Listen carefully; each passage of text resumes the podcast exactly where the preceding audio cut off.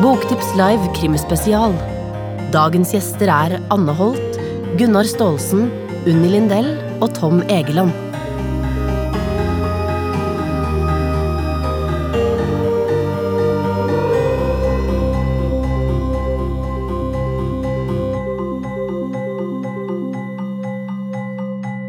I Norden drepes det heldigvis langt flere i litteraturen enn i virkeligheten. Og hele bokverdenen undrer seg på hvorfor vi som bor i verdens kanskje tryggeste land, hvorfor er det så mye deilig dødskos i krimmen vår? Og her på Krimfestivalen vil vi forsøke å utforske det. Og her vil dere møte noen av Nordens, ja kanskje verdens ledende krimforfattere.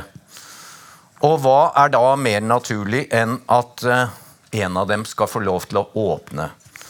Hun eh, skal nok ikke altså snakke om sin trompetkarriere, men eh, Anne Holt har jeg vært utrolig begeistret for helt siden debuten i 1993 med 'Blind gudinne'. Og hun har skrevet nå over 21 romaner. Og i Krimmagasinet, som jeg håper dere har fått, hvis ikke så må dere ta det når dere går, og dere går jo ikke før lørdag kveld, eh, det står også i vinduet der, så har vi spurt ti eh, kolleger av Anne om eh, hva de mener om henne. Og da er det betegnelser som rå krimdronning, kjempestor i utlandet, og som Gunnar Staalesen uttrykker det, hun legger aldri fingrene imellom hvis det er noe hun har sterke meninger om. Det har jeg selv fått erfare, Anne. Eh, Det er jo da Denne festivalen er den ellevte krimfestivalen. Og det er jo spesielt gøy da at den siste, og kanskje nesten den beste Anne Holt-romanen, het Det ellevte manus. Nå kommer hun kanskje med eller uten manus. Ta godt imot festivalforfatter Anne Holt.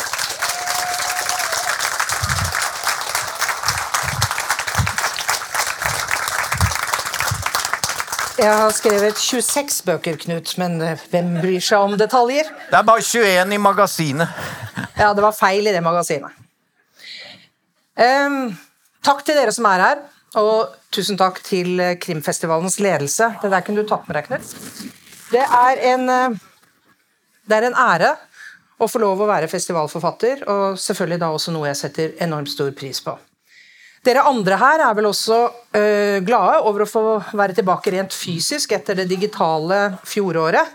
Selv kan jeg styre min begeistring for akkurat det. Eh, tanken på at vi resten av våre liv kunne ha sittet for oss selv og aldri snakket til hverandre uten gjennom en skjerm, er nå bare en brusten drøm, et fjernt og vakkert minne. Dette selvfølgelig sagt i dyp respekt for hva pandemien har kostet verden, både menneskelig og økonomisk. For svært mange har dette vært to blytunge år. Men universet hadde sannelig mer faenskap å by på når omsider begynte å lysne. Vi er nøyaktig to uker inne i et blodig, meningsløst og folkerettsstridig angrep på en fredelig, selvstendig nasjon i vår egen europeiske hage. Konsekvensene er kolossale for Ukraina, for Russland, for Europa, for hele verden. Det kjennes på et vis meningsløst å stå her og skulle feire kriminallitteraturen i en slik tid. Eller kanskje er det nettopp ikke det. Kultur er mye. Kultur er lek og spøk og skjønnhet, men også grimt og blodig alvor. Kultur er oppbyggende og nedbrytende. Den skaper identifikasjon og forståelse, men også undring og avstand og avsky. Men aller viktigst, og det er det jeg skal snakke om, god kultur er sann. I en tidsalder der menneskeheten har gått seg vill i løgner, kan og bør kulturen holde speilet opp for den og vise hvordan ting virkelig er. Det har kulturen alltid forsøkt å gjøre, men sjelden har det vært mer nødvendig enn nå. For riktig, riktig mange år siden, lenge før Trump kom inn på den politiske arena, og lenge før det vi den gang kalte usannheter, fikk et nytt navn, nemlig narrativ, Eh, så gikk jeg på seminaret som alle forfattere innen film og TV og populærlitteratur en eller annen gang dumper innom, hos fortellerguruen Robert McKee. Og et av hans viktigste mantraer er 'write the truth'. Og jeg må innrømme at jeg ikke helt forsto hva han mente der og da. Vi er da forfattere. Vi finner på, vi ljuger fram både folk og fe og fortellinger. Men nei, det er ikke det vi gjør. Ikke når vi virkelig prøver å gjøre jobben vår. Som rimelig er, så hører jeg blant dem som mener at kriminallitteratur ikke bare kan være høyverdig, men også svært viktig. Kriminallitteratur skal aldri tas høytidelig, men den skal tas definitivt på alvor. Vi som skriver i denne sjangeren, bør ha de samme ambisjonene som alle andre forfattere. Og i likhet med dem så vet vi at våre fortellinger blir best når vi våger å være som mest oppriktig. Men også, ettersom vi nå har valgt denne sjangeren, så må vi være så tett på samfunnets vrangside som det er mulig å komme. For det er jo vrangsiden vi i stor grad snakker og skriver om. Vi skylder våre karakterer å gjøre dem levende. Vi skylder dem å gjøre dem sammensatte, slik alle mennesker er fasetterte. Vi skylder våre univers å gjøre dem ekte. Vi skylder våre manus at de er sannferdige. Med det mener jo ikke jeg at vi alle skal gå over til å skrive non-fiction. måtte Gud forby. Mitt ærend er at vår sjanger, ikke mer enn andre, men på samme måte som alle andre skjønnlitterære sjangere, blir bedre, viktigere og langt mer relevante ved at vi bruker vår skriftlighet til å fortelle ekte historier. Berørende historier, og i den forstand sanne historier. Og Da er vi tilbake til mitt utgangspunkt, den grelle situasjonen i Europa. Den som påfører folk og land enorme lidelser og tap. Den som skaper en flyktningestrøm vi heldigvis ekstremt sjelden ser. Jeg innbiller meg ikke på noen måte at skarene av ukrainere som nå karrer seg ut av sitt hjemland i søken etter overlevelse og frihet, eh, har et brennende ønske om å få en kriminalroman i neven idet de kommer hit. Eh, tvert imot. Det jeg er ganske sikker på at de vil ha, er sannhet. At deres virkelighet blir kjent. At løgnene om dem, om landet deres, om skyld og ansvar og konsekvenser skal bli avslørt. At sannheten per se skal gjenvinne sin verdi. Og at deres virkelighet ikke skal druknes i den pøl av løgner som vi hver eneste dag må bade i. Kampen for sannheten både om krigen og alt annet må vi alle delta i om den skal vinnes. Hver dag og fra alle ståsteder, også fra vårt. Krim er en mangfoldig sjanger, og motivasjonen for å skrive varierer. Noen krimromaner er morsomme, andre alvorlige, noen er lettbeinte, og andre er skrevet for evigheten. Det spiller ingen rolle i denne sammenhengen. Det litterære universet kan være så fantasifullt det bare vil. Så langt fra virkeligheten som du bare kan komme. Detektiven kan gjerne finne arkeologiske gjenstander som velter verdensreligioner. Eller i bok etter bok operere i en småby i ytre Oslofjord der det strengt tatt ikke skjer en dritt i virkeligheten. Det vet vi som bor der, i hvert fall delvis. Det spiller ingen rolle hvilken innpakning man gir sin historie. Bare menneskene er ekte, problemstillingene sanne, og universet bygget på en måte som skaper identifikasjon og gjenkjennelse. Og for å gjøre mitt poeng enda skarpere som krimforfattere er vi særlig skodd til å avsløre bedrageri og søke etter det vi trenger i disse tider sannhet. Denne dynamikken, denne formelen, så å si, er selve sjela i vår sjanger. Det forplikter, særlig i vår tid. Og det er litt av en oppgave. Det sitter folk her i salen, ikke mange, men i hvert fall én, som har lengre, mye lengre erfaring som meg som krimforfatter. Det finnes også en del her, bl.a. de som vi skal høre etterpå, som minst mye, kan minst like mye som meg om dette. Det er ikke dem disse rådene jeg nå skal komme med, gjelder for. Eh, tross alt, i den tiden vi lever i, og tross alt, når jeg har holdt på med dette her i 30 år, så må jeg få lov å gi til de yngre i salen noen råd. For å oppnå det vi nettopp snakket om et sant univers og, en, og sanne bøker. For det første, som forfatter så skal du aldri være tro mot noen andre enn deg selv. Drit i leseren. Deg selv. Det er der troskapen skal ligge. Du skal aldri være lojal mot annet enn ditt eget manus. Og det tredje og siste du skal aldri, aldri, aldri la deg styre av noen andre eller noe annet enn din egen redaktør. Ikke penger, ikke berømmelse, og slett ikke løfter om gull og grønne skoger fra utenforstående som gjerne vil bli omtalt i boka di mot penger. I hvert fall ikke det. Jeg skal helt avslutningsvis forsøke å lysne denne prologen en tanke. Det var en utfordring å skulle skrive en prolog, gitt de tider vi lever i. Jeg har begynt å drømme om atomkrigen igjen. Det har jeg ikke gjort på veldig mange år. Men til neste år så er det 30 år siden jeg debuterte. Og det er like lenge siden Hanne Wilhelmsen gikk den lange, lange, slake bakken opp mot Grønlandsleiret 44 i Oslo for første gang. For et par år siden så trodde jeg at hun for lengst var død og begravet, men jøss og jøss, under pandemiens første fase så dukket hun opp igjen i en samtale hjemme rundt kjøkkenbordet. Boka som så ble skrevet, Det ellevte manus, fikk overordentlig god mottagelse da den kom ut sist høst. Etter bl.a. en sekser i terningen i VG, og som alle vi som skriver populærlitteratur vet, den sekseren i VG er det som betyr noe, så var jeg så utrolig oppesen at jeg begynte å le da jeg så den lunkne fireren i Dagbladet. Særlig moret jeg meg over en passus jeg måtte løse høyt for kona mi, der hun satt og drakk morgenkaffe og leste aviser. Hanne Wilhelmsen er så sær at det nærmer seg karikaturen, mente Dagbladet. Så sære mennesker finnes ikke. Og det var da Tine satte fra seg kaffekoppen, kikka på meg gjennom de der colabunnbrillene som hun sitter i på den tiden av døgnet, og så sukket. Hun anmelderen kan umulig noen gang ha møtt deg. Ha en riktig god festival.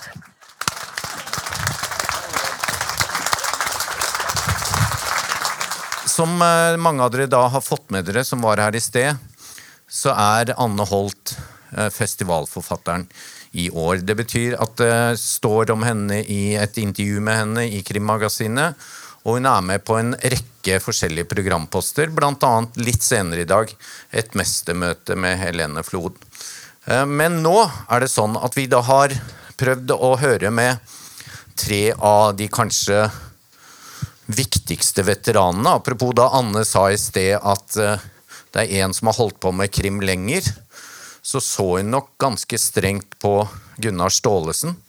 Vi har altså valgt tre av Norges ledende krimforfattere til å si noe om Anne. Og det er uh, først Gunnar Staalesen. Og så er det Unni Lindell, som kanskje noen av dere uh, så ble kidnappet av Subwoolfer i hvert fall de som er på nett, kan se den eh, reklamefilmen for krimfestivalen. Hun har heldigvis sluppet fri igjen. Og så er det Tom Egeland, som har laget en litt roligere reklamefilm. De er litt forskjellige, de tre typene, men nå skal de få lov til å si noe om eh, vår kjære festivalforfatter Anne Holt. Så ta godt imot Gunnar Staalesen.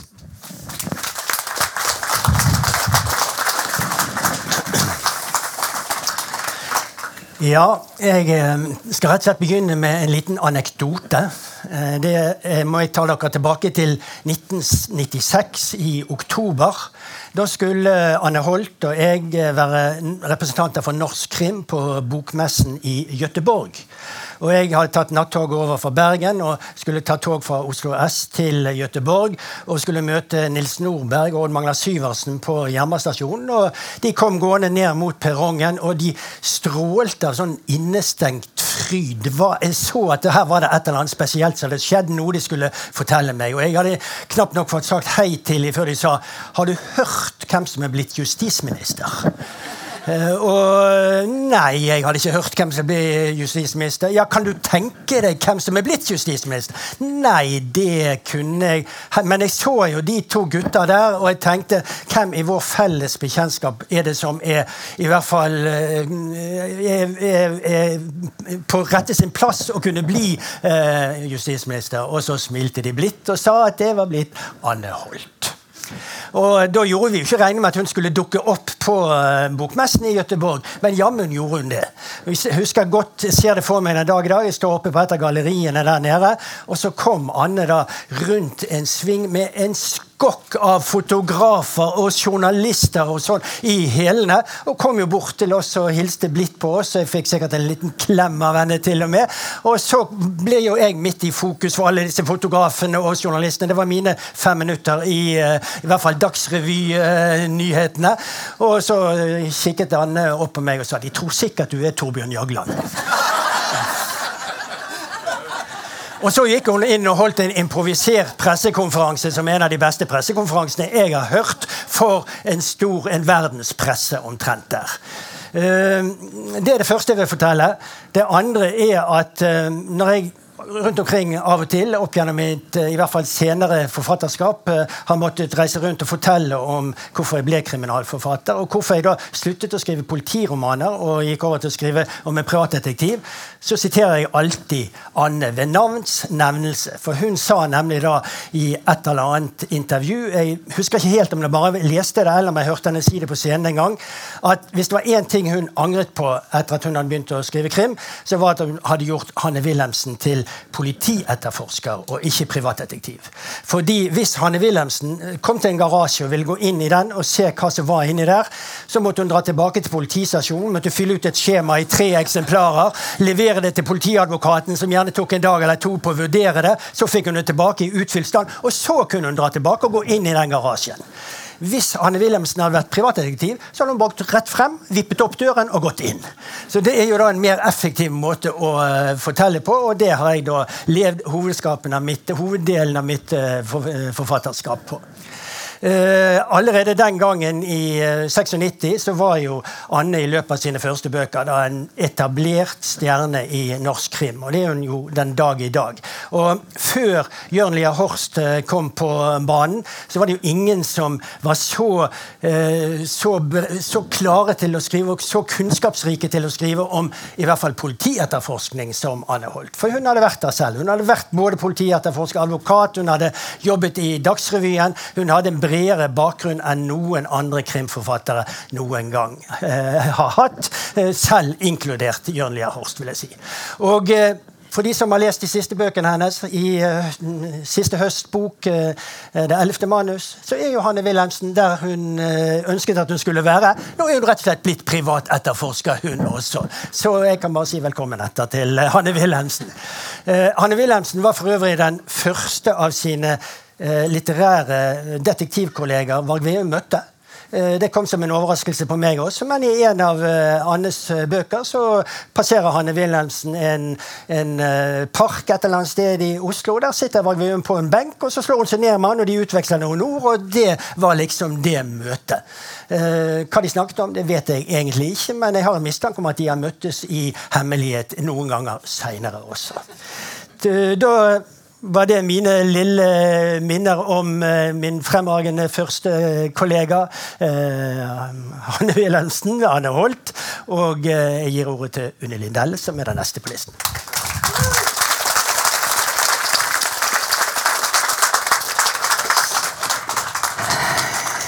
Yes, kjære Anne. Hva er det du ler av nå? Jeg dreper deg hvis du leser det diktet. Jeg leser det diktet. Men først så har jeg lyst til å si Hva? Nei, jeg skal, jeg skal ikke lese mitt.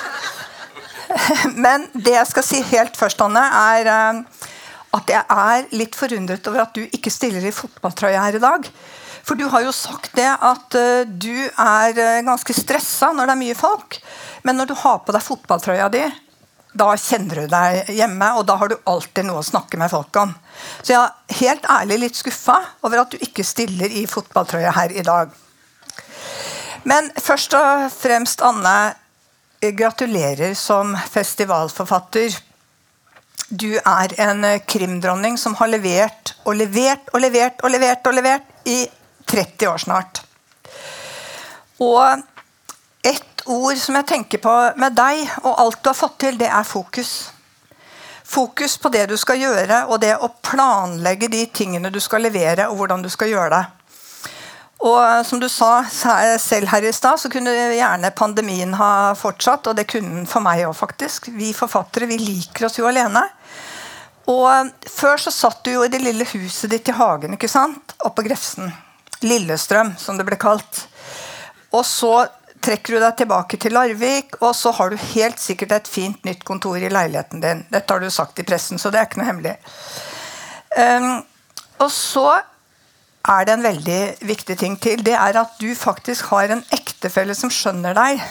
Det kommer man veldig veldig langt med. For det å være gift med en forfatter, det tror jeg er ja, Jeg skal ikke si noe mer om det. Men uh, du er i hvert fall drivende dyktig, Anne. Og du kan uh, det du driver med, og du har en utrolig klar stemme.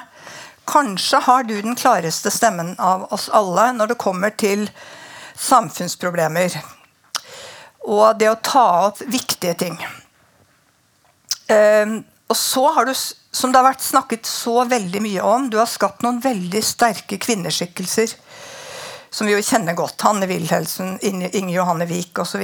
Men det som det ikke blir snakket så mye om, er at du også har noen veldig gode mannsfigurer i bøkene dine. Og Anne, du er veldig glad i menn. Ja, og du hadde en pappa, dette har også stått i pressen, så det er ikke noe jeg står her og liksom eh, sier uten at det har stått noe sted. Du hadde en pappa som du var veldig glad i, som døde for eh, halvannet år siden, er det vel. Og du har en bror, Even, som du har skrevet bøker med. Eh, som jeg syns er veldig kjekk. Det vet du, det skal jeg ikke si noe mer om. Eh, og så er det sånn at jeg faktisk har fått beskjed av Knut om å være litt personlig her. Og jeg sendte deg jo en SMS for ikke lenge siden hvor jeg sa at nå skal jeg ikke snakke så mye om meg sjæl. Og jeg skal ikke det, men jeg må si litt. Fordi at da du fikk Riverton-prisen i 1994 for 'Salige er de som tørster', så var jeg den som fikk lov å ringe deg med den beskjeden. Og jeg glemmer aldri reaksjonen din. Jeg kjente jo ikke deg da, Anne. Og du var så overrasket og så glad, og du gråt i telefonen. Det gjorde veldig inntrykk på meg. Og for øvrig så er det en scene i den boka som er veldig ikonisk. Det er den scenen hvor denne kvinnen eh, går inn i oppgangen, låser opp døra til leiligheten sin. Og så kommer det en mann bakfra, dytter henne inn, låser igjen bakfra og voldtar henne på en grusom måte. Og i filmen av samme boken Jeg får helt gåsehud når jeg tenker på det, for det er så bra beskrevet, alt sammen. Og den siste boka di er knallbra. Eh, nå flirer jeg litt, men det er ikke, det er ikke ment sånn. Men eh, for det, fordi at eh, den er veldig interessant. Den er men først og fremst så skriver du så lett. Du har en så lett penn. Jeg misunner deg veldig den lette pennen. Jeg driver vet du, og forklarer om farger og hvordan hus ser ut. og veldig mye sånn. Mens du skriver så du klarer jo ikke å slutte. Du bare leser og leser og leser og leser. Men den siste boka di er virkelig interessant og spennende. Og du behersker virkelig politi og røverromanen til fulle, vil jeg si. For krim er jo eventyr for voksne. Det er jo eventyr vi holder på med. Og du sa i talen din selv også de viktige tingene vi tar opp, så det trenger ikke jeg å si her. Men nå kommer jeg snart til diktet ditt. Fordi eh, det er jo sånn, da Det er ikke noe å le av. Det er jo sånn da at eh, skrivevilje er ikke noe som plutselig dukker opp. Det er noe som er igjen fra en er både liten og ung. Og det har grodd i deg bra lenge, Anne, alt sammen. Og her kommer diktet. Fordi eh, i 1977 så ga Bokklubben ut en eh, diktantologi som heter 'Unge tanker'. Det som er veldig fascinerende her, er at i denne antologien så dukker det altså opp så mange navn som da var 16, 17, 18, 19 år, som senere har blitt veldig kjente forfattere. Uh, og her er det Det er ikke bare deg. Det er uh, Torkel Damhaug, det er Håvard Rem. Jeg kan ramse opp. Jeg er også med her. Men du skrev dette diktet her da du var kanskje 17 år. Mm. Og jeg skal lese det som en avslutning fordi jeg syns det er viktig. Og det er bare fire-fem linjer, men det er uh, fremtidsrettet. Og dette er Annike Le. Dette er 17 17 år gamle Anne. Nå begynner jeg å le òg. Det er dårlig gjort av deg. Rett deg opp og se alvorlig ut. Dette er 17 år gamle Anne Holt stemme. Jeg syns det er viktig. Det er viktig. Ja, det er det. Nei, men det er viktig.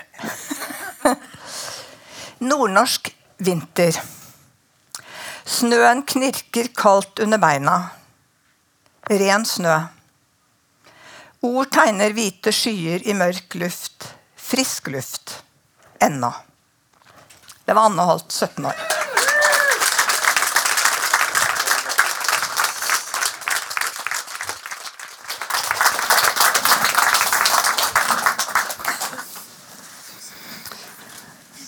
Jeg var dessverre ikke med i den antologien.